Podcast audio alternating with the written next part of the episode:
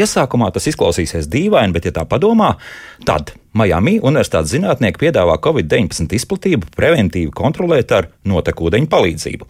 Tātad tas jau ir labi zināms, ka vīruss dzīvo ne tikai apceļos, bet nonāk arī kuģa zarnu traktā, tad fizioloģisko procesu ietekmē nonāk kanalizācijā, kur spēj izdzīvot vismaz 5 dienas.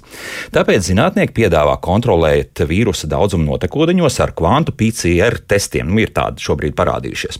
Laiks rēģēt uz vīrusu esamību un veikt preventīvas pasākums, lai izolētu potenciālos vīrusu nesētājus. Tad viss sadalīt kādos kvadrātos un iet kādā mājā, piemēram, redz, ka šis vīrus ir, nu tad ātri arī reaģēt un taisīt visiem arī testus. Sistēma esot izmēģināta studentu pilsētiņā, bet ņemot tālāk datoru modelēšanu, kontrolē esot iespējams pakļaut pat 800 tūkstošu lielu cilvēku aglomerāciju. Tātad Latvijai pietiktu atliektiem galiem. Šoreiz iztikšu bez jebkāda bet, bet gan jau sistēmas ieviešanai atradīsies neviens vien trakns mīnus, ko tā uzreiz ieraudzīt nevar. Šodien gan par citu SARS-CoV-2 prevenciju raidījumā, kā labāk dzīvot. Kristaps Ēdi pie studijas pults, Loreta Bērziņa raidījuma producenta un es Elsijas Jansons šajā studijā. Esiet sveicināti! Nāk rudens, un vismaz pagaidām mediķi gatavojas straujam ar covid-19 saslimušo skaitu pieaugumam. Viens no iemesliem - lēnais vakcinācijas process. Vai to kā, kaut kā varam pātrināt, un vai mums būs arī revakcinācija par to šodien, un ne tikai šodien raidījumā. Rīgas Traģiņu universitātes profesore, Bērnu klīniskās universitātes slimnīcas ģimenes vakcinācijas centra vadītāja Dācis Zavacka, manas studijas viešņa. Profesor, labdien! Labdien! Profesor, nu, es sākšu pavisam kaut kādu jocīgu varbūt jautājumu runā, ka SARS-CoV-2 nemaz nepastāv un nekādas Covid-19 pandēmijas nav, pat dziesmīs mums tas atcer cilvēki. Kā, kā cilvēki ir nonākuši joprojām pie šādiem secinājumiem, ka tas nepastāv? Es domāju, tikpat veikli, kā tie, kas nonāca pie secinājuma, ka Zeme nemaz nav apaļa. No tās pašas sērijas, jā. jā. Mm -hmm. nu, labi, bet tagad eh, ķersimies klāt arī pie tādām svarīgākām lietām, un proti mutācijas. Šīs SARS-CoV-2 mutācijas turpinās, un, un arī izskaidrojums, kāpēc tas tā notiek. Vai mums eh, pastāv bažas, ka varētu parādīties vēl kaut kas trakāks par šo delta variantu?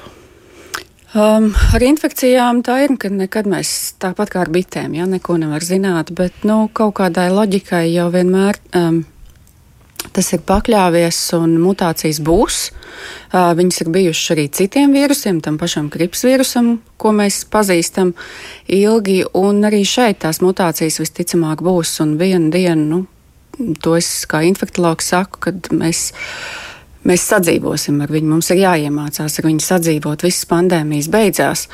Un nu, kaut kad tam, tam pastāvēšanas kompromisam ir jāparādās. Un, es pieņemu, ka šogad, nu, šajā rudenī, šajā sezonā tie, kas nebūs vakcinējušies, visticamāk visi izslimos, jo lipīgums tiešām ir augsts. Visi.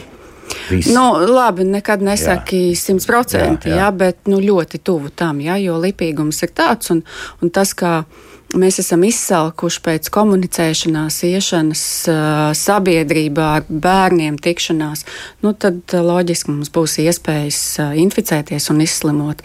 Un tādajādi jau tāda kolektīvā imunitāte arī izveidosies. Ja? Tikai tie, kas būs vakcinēti, tie var būt droši, nu, kad pāris dienas var būt ar sliktāku pašsajūtu mājās jāpasēž. Un tas arī viss, nu, tie, kas ir nevakcinēti, nu, man kā ārstam, kas strādā slimnīcā, nu, patiesībā ir dziļa nopūta atkal. Ja? Bet, uh, nu, kaut kad tas beigsies. Bet uh, tomēr tas viens no argumentiem, kāpēc tad tomēr nepotēties, ir tas, ka arī daļa no tiem, kas ir saņēmuši pilnu vakcinācijas šo procesu, ir arī iziets attiecīgais šis laiks, un tomēr tāpat saslimst un arī nonāk starp citu slimnīcā. Diemžēl arī ir nāvis gadījumu pasaulē, ja pietiekami daudz. Jā, loģiski, un neviens jau pašā sākumā nesolīja, un tas būtu muļķīgi solīt, kad vakcīna būs absolūtā panacēja, un mēs visu laiku kā tādu skaitām pantiņu atkārtojumu un atkārtojumu vakcīnas uzdevums ir pasargāt gandrīz visus no nāves, no smagas gaitas, no hospitalizācijas. Un, ja mēs pāanalizējam gan Latvijā, gan arī ārpusē tos gadījumus, kad cilvēki ir miruši un bijuši vakcinēti vai hospitalizēti, viņiem ir tāds kārtīgs fons, un vakcīna jau nav, nav visspēcīga. Ja, ja, ja cilvēkam ir divas, trīs citas kroniskas saslimšanas, un, un varbūt viņš ir imūnsupresēts vēl, nu, tad vakcīna jā, kaut kādā brīdī viņu tur bišķiņu palīdz, bet, bet tad šīs pārējās slimības ņem virsroku, un, un tie, kas ir bijuši uh, vakcinēti un miruši, viņu lielākoties vecums arī ir bijis ļoti pieklājīgs. Mm -hmm. Bet um, tomēr uh, šī gradācija, kas nesen parādījās par to, ka attiecīgi tiešām saistībā ar vecumu, ja, jo vecāks tu esi, jo mazāk tevi tomēr šīs vakcīnas uh, pasargā, tā arī tā paliek ka, nu, pieņemsim, ka salīdzinot 70 gadīgu vakcinēto, mums ir jāsalīdzina ar 50 gadīgu nevakcinētu cilvēku pēc būtības. Nē, tā gan nē. Ja mēs salīdzinām vakcinētos savā starpā, tad tas, kuram ir 70 un tas, kuram 50, lai gan šī jau arī ir ļoti tuva. Uh, grupa, tuva, tuva grupa. Jā. Te mēs labāk varētu salīdzināt 30 un 70 gadus. Ja? Bet uh, imūnās sistēmas uh, nu, nogurums un uh, izsmēlums kopumā ir labi zināma lieta vecāka gada gājuma cilvēkiem, un tāpēc arī tā viņu atbilde nav varbūt tik pilnvērtīga, kā tas ir jaunākiem cilvēkiem. Bet tāpat laikā mēs redzam, ka ir pietiekami liela daļa senioru, kam ir līdzvērtīga atbilde kā jauniem cilvēkiem. Un katrā gadījumā mēs šeit matus skaldam. Ja? Um, nu, vai tur 70 vai 60 procenti vai vispār necik procenti ir liela starpība. Ja? Tātad tas, kas nav vakcinēts, viņam nav nekādas aizsardzības. Un tomēr visu laiku parādās arī kaut kādi pētījumi, ka pēc vakcinācijas, nu, šoreiz tas viens tas skaļākais, laikam, kas ir publicēts, ir tas, ka apmēram pēc pusgada nu, tā aizsardzība principā ir strauji samazinājusies no šīm arī gan mRNS vakcīnām, gan arī vīrusu vektoru vakcīnām. Un, un principā sanāk tā, ka ārstiem, kuri ir vakcinēti februārī, februārī, nu, tad tagad vajadzētu iziet revakcinācijas kursu pēc būtības. Nu, tā gluži nav, un te man varbūt tā atbilde būs tāda garāka. Ar pašu skaidrojumu, tātad, ja mēs kaut reiz esam tikušies ar vīrusu, un šajā gadījumā, piemēram, ar vīrusu galveno šo ieroci, spēku, anti, tātad virsmas antigēnu ar vakcīnas palīdzību, mūsu imūnā sistēma vienreiz jau viņu redzējusi un saņemot otro devu divas reizes. Tad, jā, ja mēs netiekamies, tad viņi sāk aizmirst. Bet tad, kad tik līdz tikko viņi, viņi ieraudzīs, šis vīrus nosēdīsies mūsu elpceļos, momentā, momentā tiek izmestas vēl klāt antivielas, sāk darboties šūnu imunitāte. Un, uh, Atbildes reakcija ir momentāla. Ja cilvēks nav uh, ticies, tad viņš ir pirmoreiz tiekās, tas viss viņam notiek lēnām, un maksimums sasniedz 28, 30 dienas pēc uh, satikšanās. Tātad, uh, ja mēs netiekamies pēc vakcinācijas ilgāku laika vīrusu, imūnai sistēmai paliek garlaicīgi, un tas, ko mēs redzam, uh, daudzos pētījumos ja, ir šīs perifērās asins, ko mēs paņemam ar asins analīzēm. Un, ja nav ienaidnieka, antivielas tur ilgi necirkulē, viņām ir garlaicīgi, viņas sāk samazināties. Tas ir loģiski, to mēs zinām no, no citām visām vakcinācijas uh, pamatprincipiem. Uh, savukārt, te mēs uh, saistībā ar Covid-19 un šo imunitātes aizsardzības samazināšanos gaidām um, tos datus, kāpēc mēs, piemēram, saucam šo vakcīnu reģistrāciju, reģistrāciju ar nosacījumu, ja, kas nav pilna, absolūti nu, pabeigta -hmm. reģistrācija.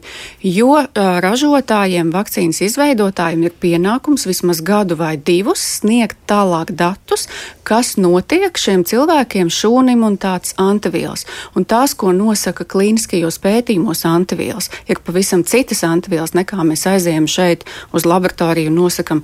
Tātad šiem datiem uh, principā nu, tūlīt no lielākās daļas ražotāju jānāk. Viņ, viņiem būtu jābūt augusta beigas, nu šodien ir pēdējā diena, viņi jā. vēl nav tātad septembrī. Būs, jā. Būs, jā. Un tas būs tas patiesībā viss tāds objektīvākais pamats un rezultātus, kuriem mēs varēsim balstīt, kas tad notiek imūnijā sistēmā tiem cilvēkiem, kas saņēma klīniskajos pētījumos, tātad apmēram gadu atpakaļ un mazliet varbūt īsāku laika brīdi. Mhm. Nu, Jā, un tas ir viens no tiem argumentiem, ko parasti antivakseri izmanto. Jā, ka lūk, šās joprojām ir eksperimentāls vakcīnas, jā, un tie atkal drusku eļļu ugunī pielēja lūk, Amerikā, Amerikas Savienoto Valstu tātad zāļu un pārtikas aģentūra, jā, kur tikai nu pat apstiprināja oficiāli Pfizer vakcīnu kā pirmo, jā, ka tā ir tiešām reāla vakcīna. Jā, un, ir... un viņi saka, re, redziet, re, kā mēs tomēr eksperimentāli šīs ne, vakcīnas. Ir, noteikti nekādas eksperimentāls un ir jāsaprot, ko nožie, nozīmē šie jēdzieni.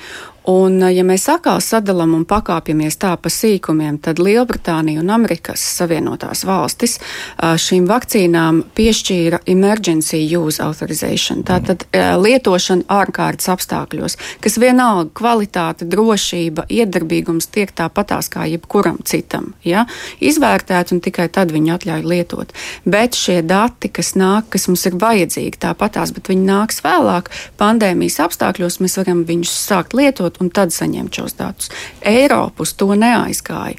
Eiropa aizgāja uzreiz. Ja. Apstiprināja uzreiz, un tad ir šis uh, conditional, jā, šis uh, ar nosacījumu, ka nu, tie vēlie dati, kas notiek tālāk uh, pēc gada, pēc diviem ar antivielām un šūnu imunitāti, tad tie nāks klāt. Mm -hmm. Tad kāpēc, piemēram, Austrija paziņoja, ka piemēram, šis Covid certifikāts praktiski tiem, kas būs jau tagad potēti februāris, marts, nu, principā, ja pusgads būs pagājis, vairs nedarbosies. Nezinu, man arī tas ļoti interesē, ko viņi darīs ar saviem mediķiem. Un, nu, kā lielākā daļa valstu, kas ir patreiz jau kaut kādā mērā paziņojuši, ka plašam lokam tiek piedāvātas trešās devas, tie ir politiski lēmumi. Politiski. Politiski Aha. lēmumi vai ierēdnieciski lēmumi, jo zinātniskā līmenī um, Ne Amerikā, ne Austrālijā, ne Kanādā, ne Eiropā nav pierādījumu tam, ka visiem būtu nepieciešama trešā deva kaut kādu noteiktu laiku pēc otrās devas saņemšanas, un arī vakar tie imunizācijas valsts padomu tikās. Mēs ļoti rūpīgi eh, pēdējās nedēļās izskatījām visus datus, kas ir, tikās arī Eiropas eh, imunizācijas padomas ECDC paspārnē. Un šo datu zinātnisko, ka visiem tas būtu nepieciešams, nav. Un vienīgais, ko mēs varam jau pēc nu, tādiem varbūt ne ļoti plašiem un meta-analīzēm, bet pietiekamām norādēm, pateikt, ka trešā deva rekomendējumi tiem cilvēkiem, kam tiešām ir novājināta imunitāte. Un tie būtu tātad cilvēki pēc dažādām transplantācijām, tie, kas saņem, piemēram, stāru terapiju, bioloģiskos medikamentus. Uh, HIV arī ir jāskatās ļoti plašā tādā aspektā. Mums tā tad ir labs HIV kompensēts, kas ir tāds pats kā jebkurš cits cilvēks, ja? uh mhm. -huh. un tad ir tie, kas jau ir būtiskā imūnosupresijā, aicis stadijā, ja, tiem noteikti šī trešā mm, dēva būtu jau rekomendējama, un imunizācijas padomu to vakardien arī lēma.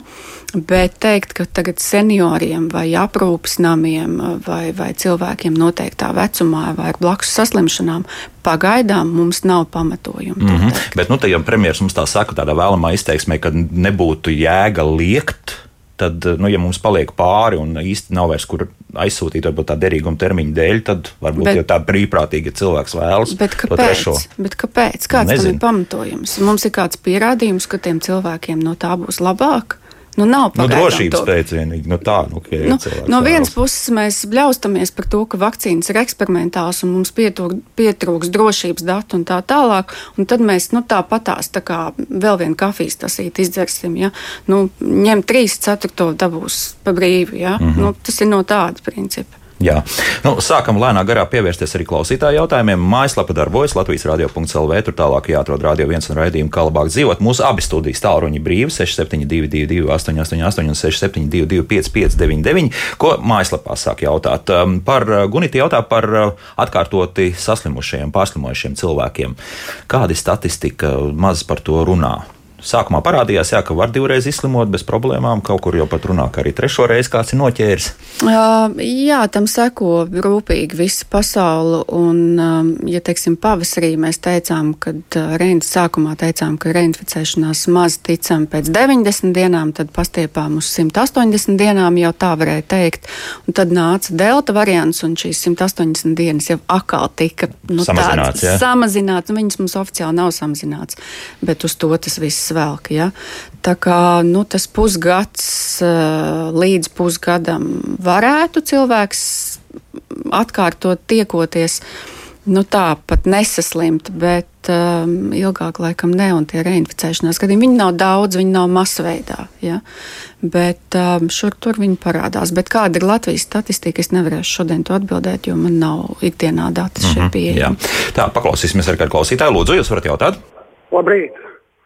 Kā jūs komentētu, teiksim, Eiroņa ziņoja mēnesi atpakaļ, ka Šveicē pēc šogad pēc vakcīnas saņemšanas nomiruši 128 cilvēki, vai tā varētu būt taisnība? Tā, labi, paldies. Šeit arī šīs spēles ar statistiku pēc būtības. Jā, jā tā tad. Um... Šajā situācijā, kad mēs vakcinējam ļoti, ļoti daudz cilvēku pasaulē, loģiski, ka notiek arī citi notikumi, un cilvēki tāpat tās mirst. Farmakovigilances, jeb zāļu uzraudzības, vienmēr tā tas ir bijis, un tagad nav izņēmums. Mums tā skaitā vakcīnām, 28 dienu laikā pēc vakcīnas saņemšanas, ja ir kāds notikums, vai jo īpaši smags notikums un nāve tāds ir, tad par to ir jāziņo. Un, uh, tas, ko bieži vien žurnālisti jauc, ir šie paziņojumi par nāvēm. Bet, uh, ja mēs paskatāmies sīkāk jau uz šiem ziņojumiem, tad tas pats ārsts, nu, mums ir arī ailīt, kā mēs domājam, vai tas ir saistīts ar vakcīnu vai nav, jau sākotnēji ārstam. Un Norvēģijas, starp citu, ir ideāla valsts, gandrīz ideāla šajā ziņā. Viņi ziņo visu. Bet, ja mēs paskatāmies, tad tas ārsts... bija tās par tām medmāsiņām, jā, kuras saņemot tātad, AstraZeneca poti. Nē, nē, tas bija par senioriem, kas sākumā aprūpas centros. Ah, mm -hmm. jā, jā, tas bija medmāsiņas bija Austrija. Jā, un, jā. Un, un, nu, lūk, un tā tad šie ziņojumi, nu, viņi aiziet, jā, kā ziņojums par nāvi piemēram, 28 dienu laikā pēc vakcinācijas, bet, ja mēs sākam analizēt, viņš jau ziņojuma brīdī ir tiek uzskatīts kā nav saistīts, bet mums ir pienākums paziņot, un tālāk mums ir pienākums izmeklēt, ir saistīts vai nav saistīts. Arī Latvijā mums ir bijuši vairāk ziņojumi par nāvi pēc vakcīnas saņemšanas. Viņi visi ir, nu, es esmu gandrīz visos viņos piedalījusies. Uh, nu, apbrīnojami uh, augstā un skrupulozā kvalitātē izmeklēti, ja mums visas nāves tagad tā izmeklētas, tad uh, tiešām, godīgi sakot, mēs absolūti varam teikt, tur nav saistības. Ja? Un mēs atrodam īstenībā to īsto cēloni, kāpēc tas cilvēks ir aizgājis. Tas viens no pēdējiem gadījumiem, kur 30 nedaudz pāris gadus vecā skolotāja mm -hmm. aizgāja ļoti ātri. Tur izrādījās, ka ir zāles, bet, bet iespējams, vai tiešām nevar būt tā, ka tā vakcīna ir nostrādājusi nu, kā, kā tāds katalizators. Tas, tas ne, ne, mēs nevaram ne, pieņemt ne, šo. Šajā jā. gadījumā ne. Nekādā nu, gadījumā. Nu, mm -hmm, skaidrs, labi. Paldies par šo atbildi un klausāmies, ko mums klausītāji vēlas jautāt. Lūdzu! Labrīt! Labrīt. Deviņi mēneši pēc slimošanas man antivīls spēks viens ir trīs reizes virs normas. Tūlīt pēc izslimošanas man bija septiņas reizes virs normas. Vai ir tagad jēga vakcinēties? Mhm, -huh, labi, paldies! Jā. Um, jā, šādus jautājumus mēs saņemam, diemžēl, arī no kolēģiem, bet, protams, arī no iedzīvotājiem, ja infektologu. Un vēlreiz, un vēlreiz atgādināšu, mums nav noteikts uh, tā saucamais um, aizsardzības kritērijs Covid-19. Viņš nav latviešu tā labi iztulkots angliski, viņš saucās Correlative Immune Protection. Daudzām infekcijas slimībām tā ir, ka mēs, jo īpaši ar vakcināciju, mēs zinām, kādam jābūt cipram, lai mēs pateiktu tagad tādu un tādu laiku. Šis ir pietiekami objektīvs rādītājs, lai mēs teiktu, ka nu, tā kā diftrijai, ja? revakcinācija pēc desmit gadiem vai, vai pēc pieciem un tā tālāk. Covid-19 ne pēc izslimošanas, ne pēc vakcinācijas nav noteikts šis līmenis, kādam ir jābūt. Pagaidām, ja? Vai, vai tā arī Varbūt paliek? arī neizdosies, Aha. jo ir infekcijas, ko mums gadu desmitiem nav izdevies to izdarīt. Ja? Um, nākamais uh, metods, ko mēs šeit lietojam, aizejot vienkārši uz jebkuru laboratoriju, viņas ir daudz un dažādas, viņas nav pielietojamas arī izvērtēšanai, cik sen ir notikusi man inficēšanās, cik ilgi man būs aizsardzība, kāda ir mana aizsardzība. Tu, tā, To nevar pateikt. Var tikai pateikt, ir vai nav antivielas. Un, eh, bet pats būtiskākais tātad antivielas nav vienīgais aizsardzības mehānisms. Ļoti būtiski ir šūnu imunitāte, un vēl būtiskāk ir antivielas un šūnu imunitāte kopā darbojoties tad, kad uz mūsu kļūtādas nosēžās šis vīrus. Tāpēc. Um, Teikums vienalga iet un tomēr, jā, protams, darīt, jā, viss jā. līdz galam. Tā, vēl kādu klausītāju paklausīsimies, lūdzu. Halo! Labdien! Labdien. Man sekojošs jautājums. Man ir 76 gadi. Man Pfizer vakcinācija veica 3. un 23. martā. Un man ir SARS CoV-2 RNS analīze rāda negatīvs. Un vēl man ir mieloma IgG suspekta. Kā man būtu mētiecīgi taisīt trešo vakcīnu, ja ne? -huh, labi. Jā, par trešo mēs jau pat izrunājām, ja, ka principā jēgas no tā pagaidām neviens neredz. Speciālisti vismaz tā saka. Jā, jā nu šeit, protams, kungs minēja arī tādu nopietnu saslimšanu mm, jā, fonā. Jā, jā. Tur būtu jā, jāprunājās ar savu tātad šo ārstu, speciālistu, kādā, kādā stāvoklī, bet šis varētu būt tas gadījums, kad mēs rekomendējam, ja, kā imunitācijas padomu un ekspertu, un tur ir mums tie zinātniskie dati pasaulē. Bet šeit kungs arī minēja to RNS, ka viņš ir negatīvs. Mm -hmm Apsve, apsveicu, tests, tieši tā, jā, vakcīna jūs ir pasargājusi, jo, mm -hmm. ja mhm. viņš būtu pozitīvs, tad cilvēks būtu inficēts. Mm -hmm. Viens no jautājumiem, kas ir publiskā telpā, respektīvi Latvijas radio uzdots, ir par to, ka kāpēc netestē arī tos, kas ir vakcinējušies, un varbūt, ka šeit arī testēšana ir jāiztais. Nu, piemēram, skolēni, kuri ir vakcinējušies, jā, tad automātiski saņēma, nu, principā atļauju doties o, mācīties, bet savukārt, nu, tad pārējie bērni spļāva. Varbūt, ka mm -hmm. viņus arī vajadzēja tomēr pārbaudīt uz šo, vismaz uz to spļaušanas testu. Jā, Jā, tā tad atkal nedaudz garāk atbild. Tātad pirmkārt jau kāpēc bērns slimo mazāk, un jo mazāks bērns, jo mazāk slimo un vieglāk slimo, tāpēc, ka viņiem nav šo ACE receptoru tik daudz uz dažādu orgānu un gļotādu virsmām. Un, tāpēc viņi jau mazāk inficējās. Ja viņš vēl ir vakcinēts, Tātad pat, ja viņam nosēžās tas vīruss, viņam nav kur ieskrieties. Un mums ir pietiekami datu patreiz pasaulē, lai teiktu, ka mūzika neatmaksājās šajā gadījumā. Viņus visus testēt, jo pat tas viens, varbūt, ko mēs izķersim, ja, tad kā vakcinētam cilvēkam tas vīruss nebūs ilgstoši viņa gļotādās, viņš nevairosies un viņam nebūs tāds. Uh, arī šis inficēšanas apjoms apkārtējiem cilvēkiem, kā nevakcinētam cilvēkam.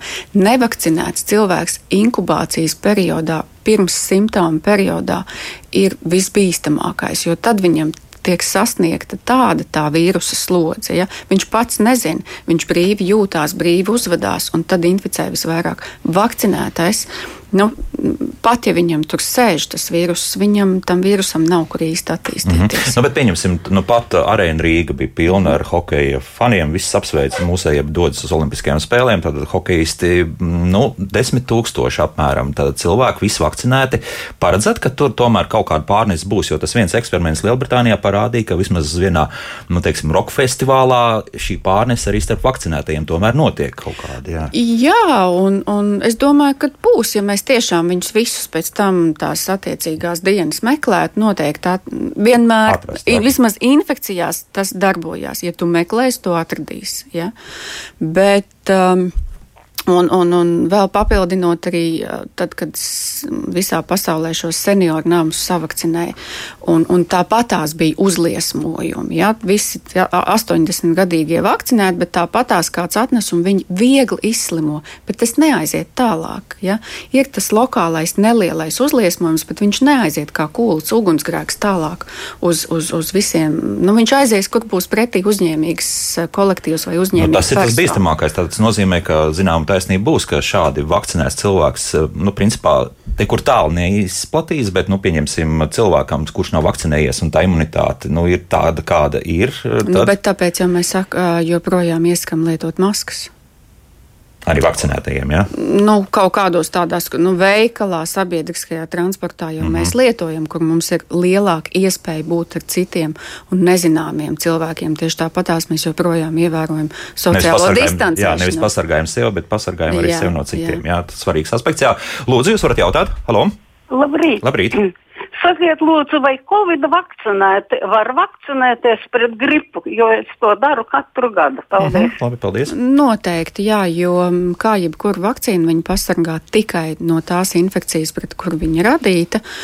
Un ar gripu vispār nezinu, būs interesanti, ja, jo mm, pagājuši, kad pagājušā sezonā gripas nebija ne dienvidu, ne ziemeļu puslodē, un tieši pateicoties šiem lockdowniem vai mājasēdēm, ja, nevis tāpēc, tāpēc, ka Covid vīruss izspieda gripas vīrusu, bet tāpēc, ka mēs netikāmies. Un, um, Nu, tas nebija tik vienkārši izveidot uh, nākamās sezonas gripas vakcīnu, bet viņi būs. Bet, nu, ja mēs paredzam, ka šogad mēs nesēdēsim visa pasaule, katrs savā mājā, tad uh, nu, kas tur nāks? Gripa nāks, un visticamāk, viņi nāks ar joni atpakaļ. Ja tukša vieta nestāv. Un vai, tiks, vai būs izspiesti līdz šim biežāk cirkulējošie gripas uh, tipi, ja? tas um, arī ekspertiem vēl ir tāds nu, no vienas puses bailīgs. Ja? Jautājums, ka, kas būs. Tā kā šai kundzei es teiktu, un arī saviem draugiem un savai ģimenei es teiktu, noteikti vakcinējieties. Pat ja būs tā, kā bija pagājuši, kad, kad visi savakcinējās, bet gripas nebija, mēs jau nekaitējām sev. Mm -hmm. Bet uh, pieņemsim, gaidīt, tomēr, kāds tas gripas cēlums parādīsies, un tad tikai vakcinēties. Vai Mēs... šobrīd šīs vakcīnas jau ir tik universālas? Ka... Nē, viņas jau pēc tā, kas bija, un, protams, arī medicīnā un vakcīnu ražošanā ir sava zinātniskā statistika un pamatojuma tā tālāk. Un Pasaules veselības organizācija apmēram 128 vietās visu laiku monitorē savāc tos cirkulējošos cēlumus, un vakcīna jau ir gatava. Ja mēs sagaidītu un tad taisītu vakcīnu, tad sezona beigtos un tikai tad mēs saņemtu vakcīnas. Tas nav tā kā tā, tā šim... nestrādā. Ja? Jā. Mm -hmm, jā. Lūdzu, jūs varat jautāt? Halo! Halo. Jā, lūdzu. Jūs man, jā? Jā. E, labdien! Ko lai to imūni pārbaudi, testu?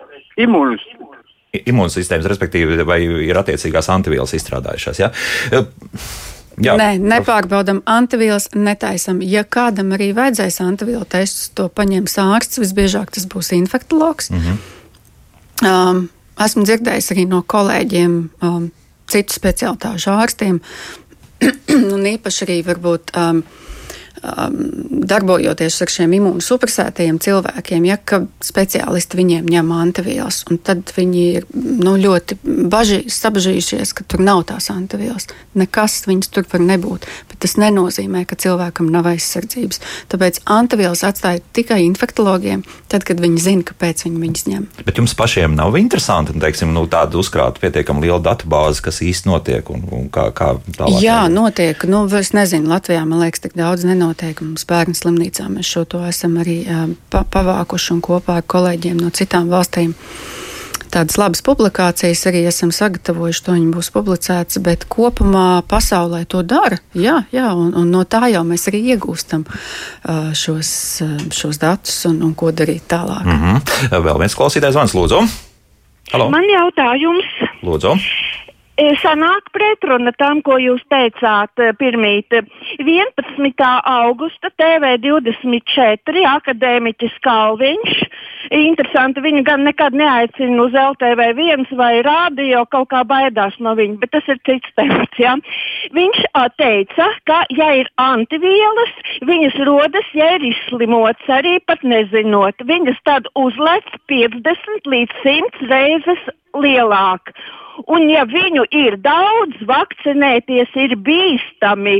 Viņu Ansis Bogustovs uzreiz norāva no ētera, bet to viņš paspēja pateikt. Nu, labi, jā. Varbūt tāpēc ir tās blaknes un nāvis gadi. Pārāk daudz mums antivielu, jā. Nu, profesor, tagad stāstiet, lūdzu, jā. Jā, visu cieņu profesoram Kalviņam, un viņš ir nu, cienījams zinātnieks, bet viņa joma un ikdienas darbības lauks nav vakcīnās un, un um, klīniskajā medicīnā un, un, un arī imunoloģijā. Un, um, kādreiz mēs arī diezgan tēlaini mēdzam izteikties, tad, kad mēs kaut ko stāstam. Un uh, šajā gadījumā es vēlos uzstāt uz saviem vārdiem, kad, uh, un arī par antivielām šeit kundze uh, runāja, ka, ja mēs esam izslimojuši, tad uh, antivielas arī ir dažādas, ko mēs nosakām, un tā mēs, starp citu, varam atklāt viltus uh, vakcīnu. Um, Uh, Nēsamība, esamība. Jā, tieši tā. Jā. Uh, un tāds, kā jau es esmu arī iepriekš teikt, teikusi, kompetents infektologs operējot ar šīm antivielām, var pateikt, vai antivielas radiešās pēc saslimšanas vai pēc vakcinācijas, kāds ir viņa līmenis, kuras no antivielām.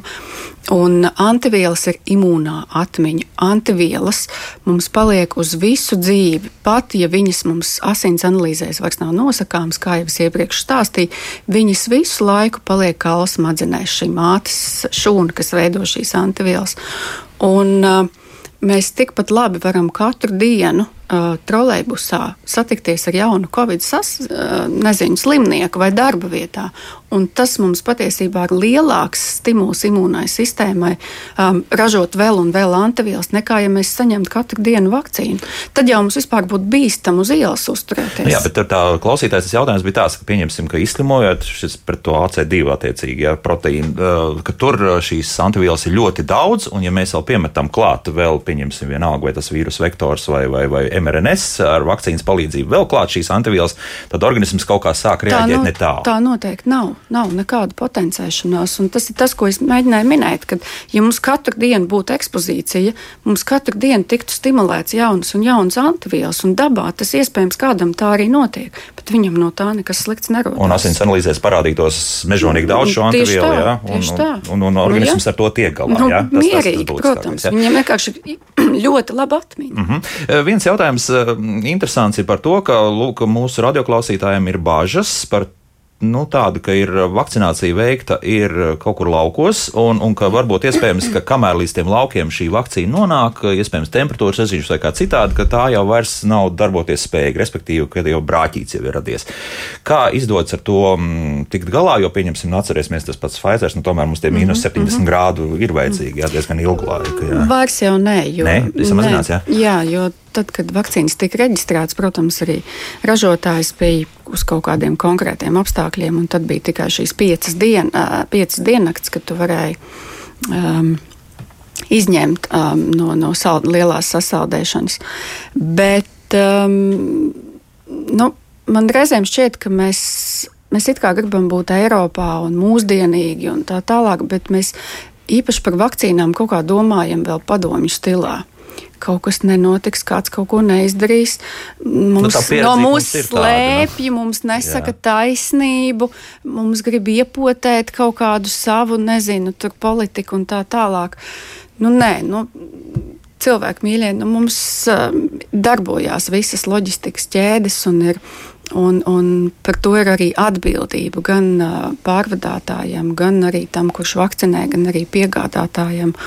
Un, nu, tad jau mēs vispār ne pa ko vairs nevaram uzticēties. Nu, tā dzīves pieredze, acīm redzot, rāda, nu, ka, ja pieņemsim kādā, um, nu, pieņemsim pavisam no citas kaut kādas operas, jā, ir ātrās apkalpošanas restorāns, un tagad ir tur uzlikts kameras, un cilvēki, kas cep burgerus, vienā brīdī viņam šis burgers nokrīt, un tad, lai, lai, lai tomēr šo, šo burgeru viņam ir jāatgriež atpakaļ atpakaļ apritē, viņš ar kāju viņu tur pabīd no tām kamerām un tad uh, paceļ un tad uzliek un tomēr uh, iedod klientam. Ja? Vienmēr sakot, ka nu, kaut kur nolaidības, nu, nezinu, kaut kāds procents vienalga pie mums pastāv. Nu, tajā vismaz arī vakcinācijā nav viens cilvēks, kas to visu dara. Un ir tā tāda visu laiku dubulta čekošana. Un, un, Pārbauda, respektīvi. Protams, jā. jā, un mums ir jāizpilda noteikti soļi, un tas jāatzīmē, ka tas ir izdarīts. Ja, nu tad jau mēs, mm, ejot uz operāciju, uz anesteziju, nu, arī neusticēsimies anesteziologam. Nu, medicīnā nu, nu, mediķi tomēr.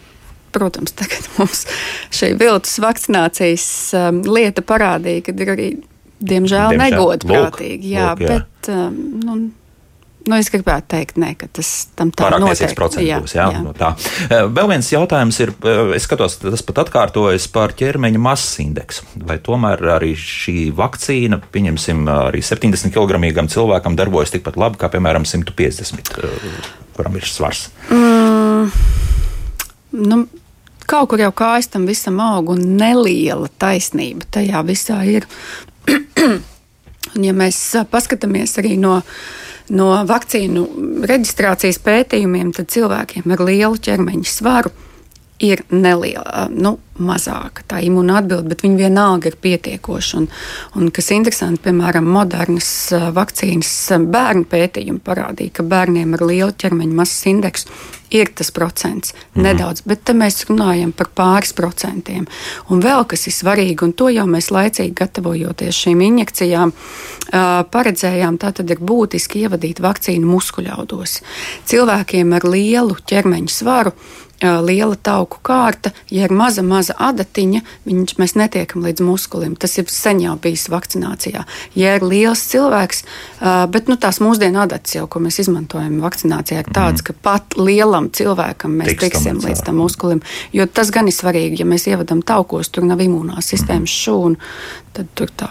Trenējam rokas, jā, muskuļus vairāk uz rokām. jā, jā. Um, tā, mums kāds klausītājs ir atkal sazvanījis. Lūdzu, jūs varat jautāt? Halo! Halo. Labdien! Labdien. Labdien. Jā, lūdzu. Tā, sakiet, lūdzu, ja imūnsistēmā ir tik lieliska atmiņa, tad e, kāpēc vajag revakcinēties uz ērčencefalītu atkārtoti? Mm -hmm, labi, jā. Um, taisnība. Um, tā tad um, mums ir dažādas vakcīnas un dažādi arī infekcijas um, dabīgās gaitas um, norises. Un ērčencefalīta vīrusam ir tā īpatnība, ka viņš ir jāneutralizē uzreiz. Un tāpēc mums ir svarīgi, ka mums ir visu laiku mm, cirkulējošs noteikts daudzums neutralizējošo antivielu. Tāpēc ir svarīga šī ne, uh, regulārā vakcinācija. Uh, un tas pats, piemēram, arī diftrijai. Ja? Diftrijai vispār toksīns ierosina visas tās sliktās lietas. Tas pats gariem klepum. Tāpēc uh, būs tādas vakcīnas, uh, piemēram, B hepatīts, kur pat, ja tev ir nokrities tas zināmais antivielu līmenis zem tiem desmit, kam ir jābūt, tad, eh, tad kad mēs inficējamies, infekcija attīstās lēnām, tur tas, kas tur notiek, pietiek. Uh, laika, lai pat ja imūnā sistēma ir aizmirsusi, viņa tiklīdz kā ir šis atgādinājums, viņai ir pietiekami laiks atkal izmest uh, pilns ar karavīriem, asinīs, jā, antivielām, šūnim un tā, un viss notiek. Tāpēc mēs nevaram mērīt visus pēc vienas augļa. Nu, un teikt, ka tas ir kaut kāds bizness, vienkārši, ka tā uztaisījuši, arī tā mēs nevaram. Ja? Eh, vairāk svarīgi jautājumi par bērniem. Nu, pirmkārt, eh, vai varat apgāst mītu par pusauģu vakcināciju un miocardīta korelāciju, respektīvi, ka tas miocardīts pēc Pfizer vakcīnām vai pēc Modernas, vai tagad baidos samelot, bet bija, ja, ka, ka parādījās Amerikas un tās valstīs, skaitīt gadiem, bet bija. Um, tā tad es atvainojos. Tā tad tas ir ziņnešu vakcīnām. Ja? Jā. Gan Pfizeram, gan Modernai. Un um, šie gadījumi sāka, nu, kāpēc viņi nebija no sākuma? Ja? Jo Pfizer jau vakcinē jau kopš decembra, mm -hmm. ja? bet to mēs uzzinājām tikai tagad, kad sāka parādīties šie jaunākie cilvēki, ja, kad tika šīs lielākās uh, populācijas daļas ar jaunākiem cilvēkiem vakcinētas. Tad, jā, tas sāk parādīties, un te mēs varam iezīmēt šo, ka šī blakne ir vairāk raksturīga jaunāka gada gājuma cilvēkiem, arī bērniem. Pagaidām izskatās, ka arī um, vīriešiem vairāk, bet nu, to mēs tā nevaram teikt par maz. Jā, arī sievietēm tas ir attīstījies. Bet šis risku, par ko droši vien jautājums bija, risku un ieguvumu. Jā, um, tā tad nomirt uh, vai smagi saslimt ar covid-19, jo tu esi jaunāks, jo tev ir mazāks risks jā, attīstīties šīm nopietnējām slimības gaitām. Līdz ar to nedaudz paaugstināts blakņu risks. ja? Mēs samērojam kāda veselības bojājuma tev būs no pašas slimības, un kādi ir tie retie, bet potenciāli cik bieži viņi varētu notikt.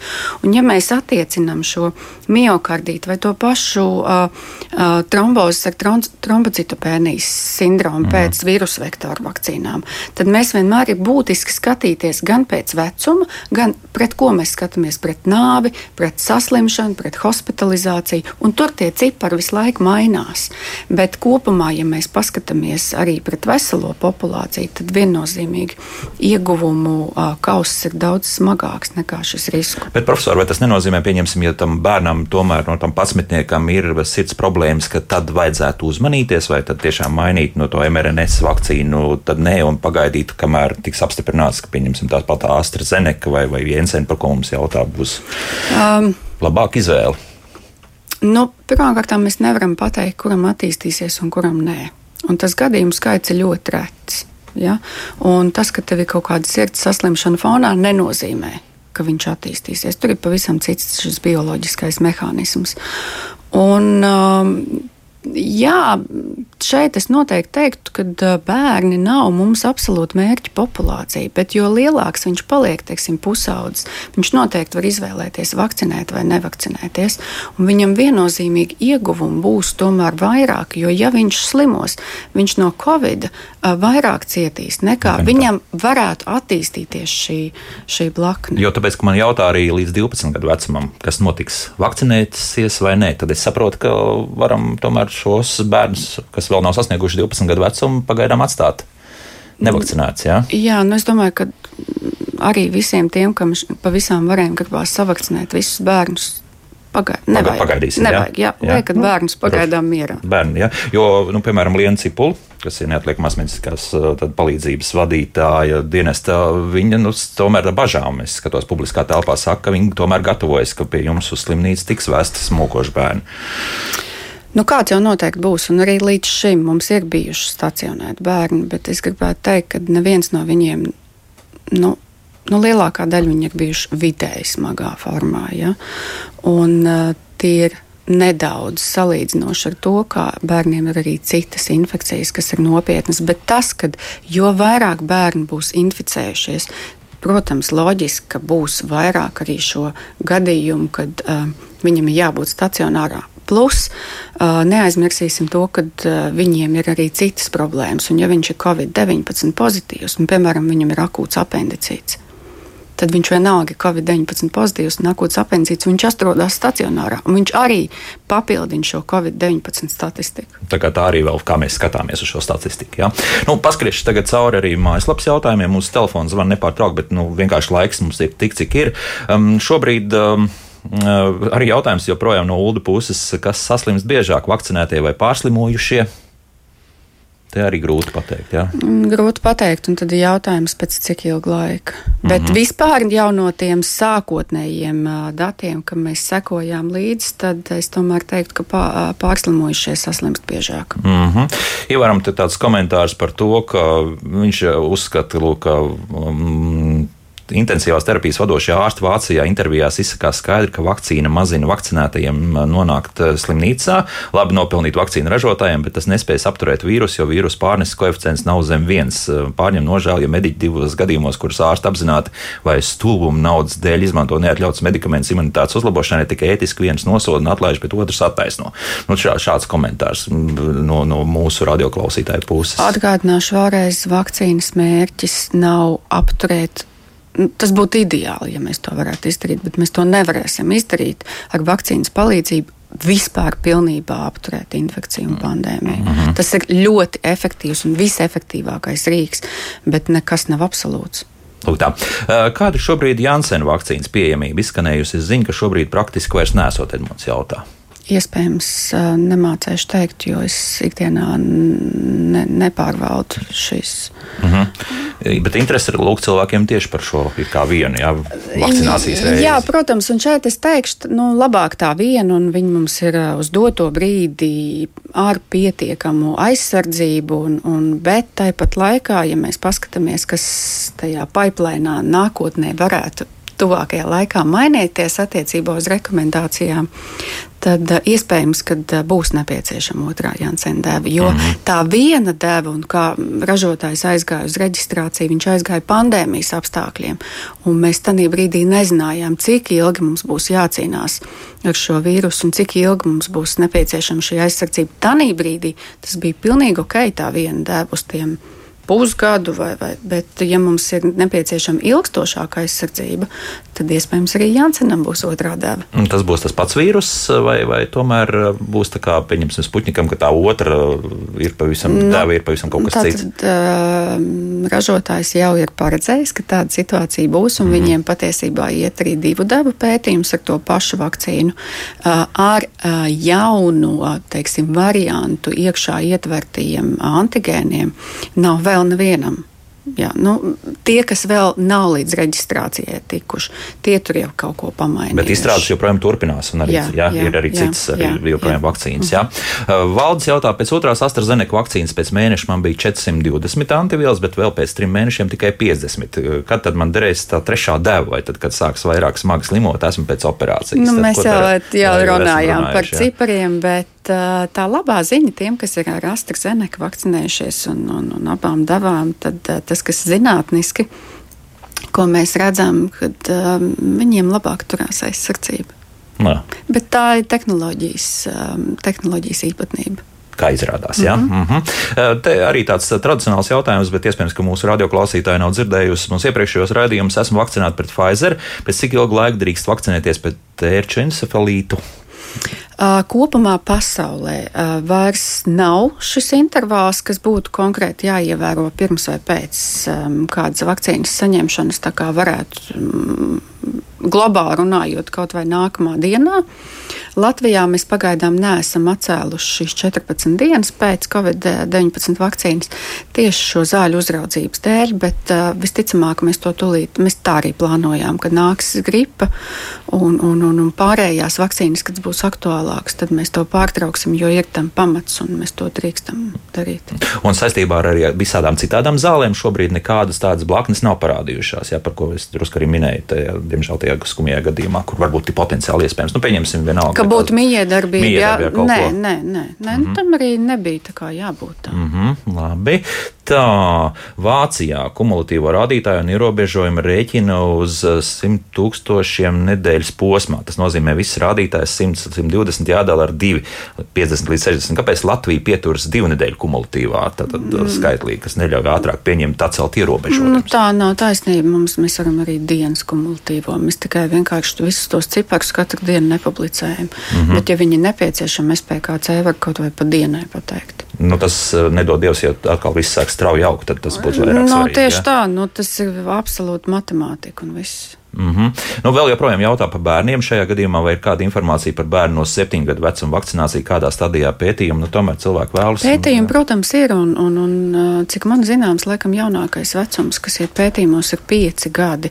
Un, tad, kad šīs vakcīnas tiks apstiprināts arī šai vecuma grupai, noteikti būs kādi bērni un tie bērni citām būtiskām saslimšanām fonā viņiem tas noteikti būs tas ieguvums.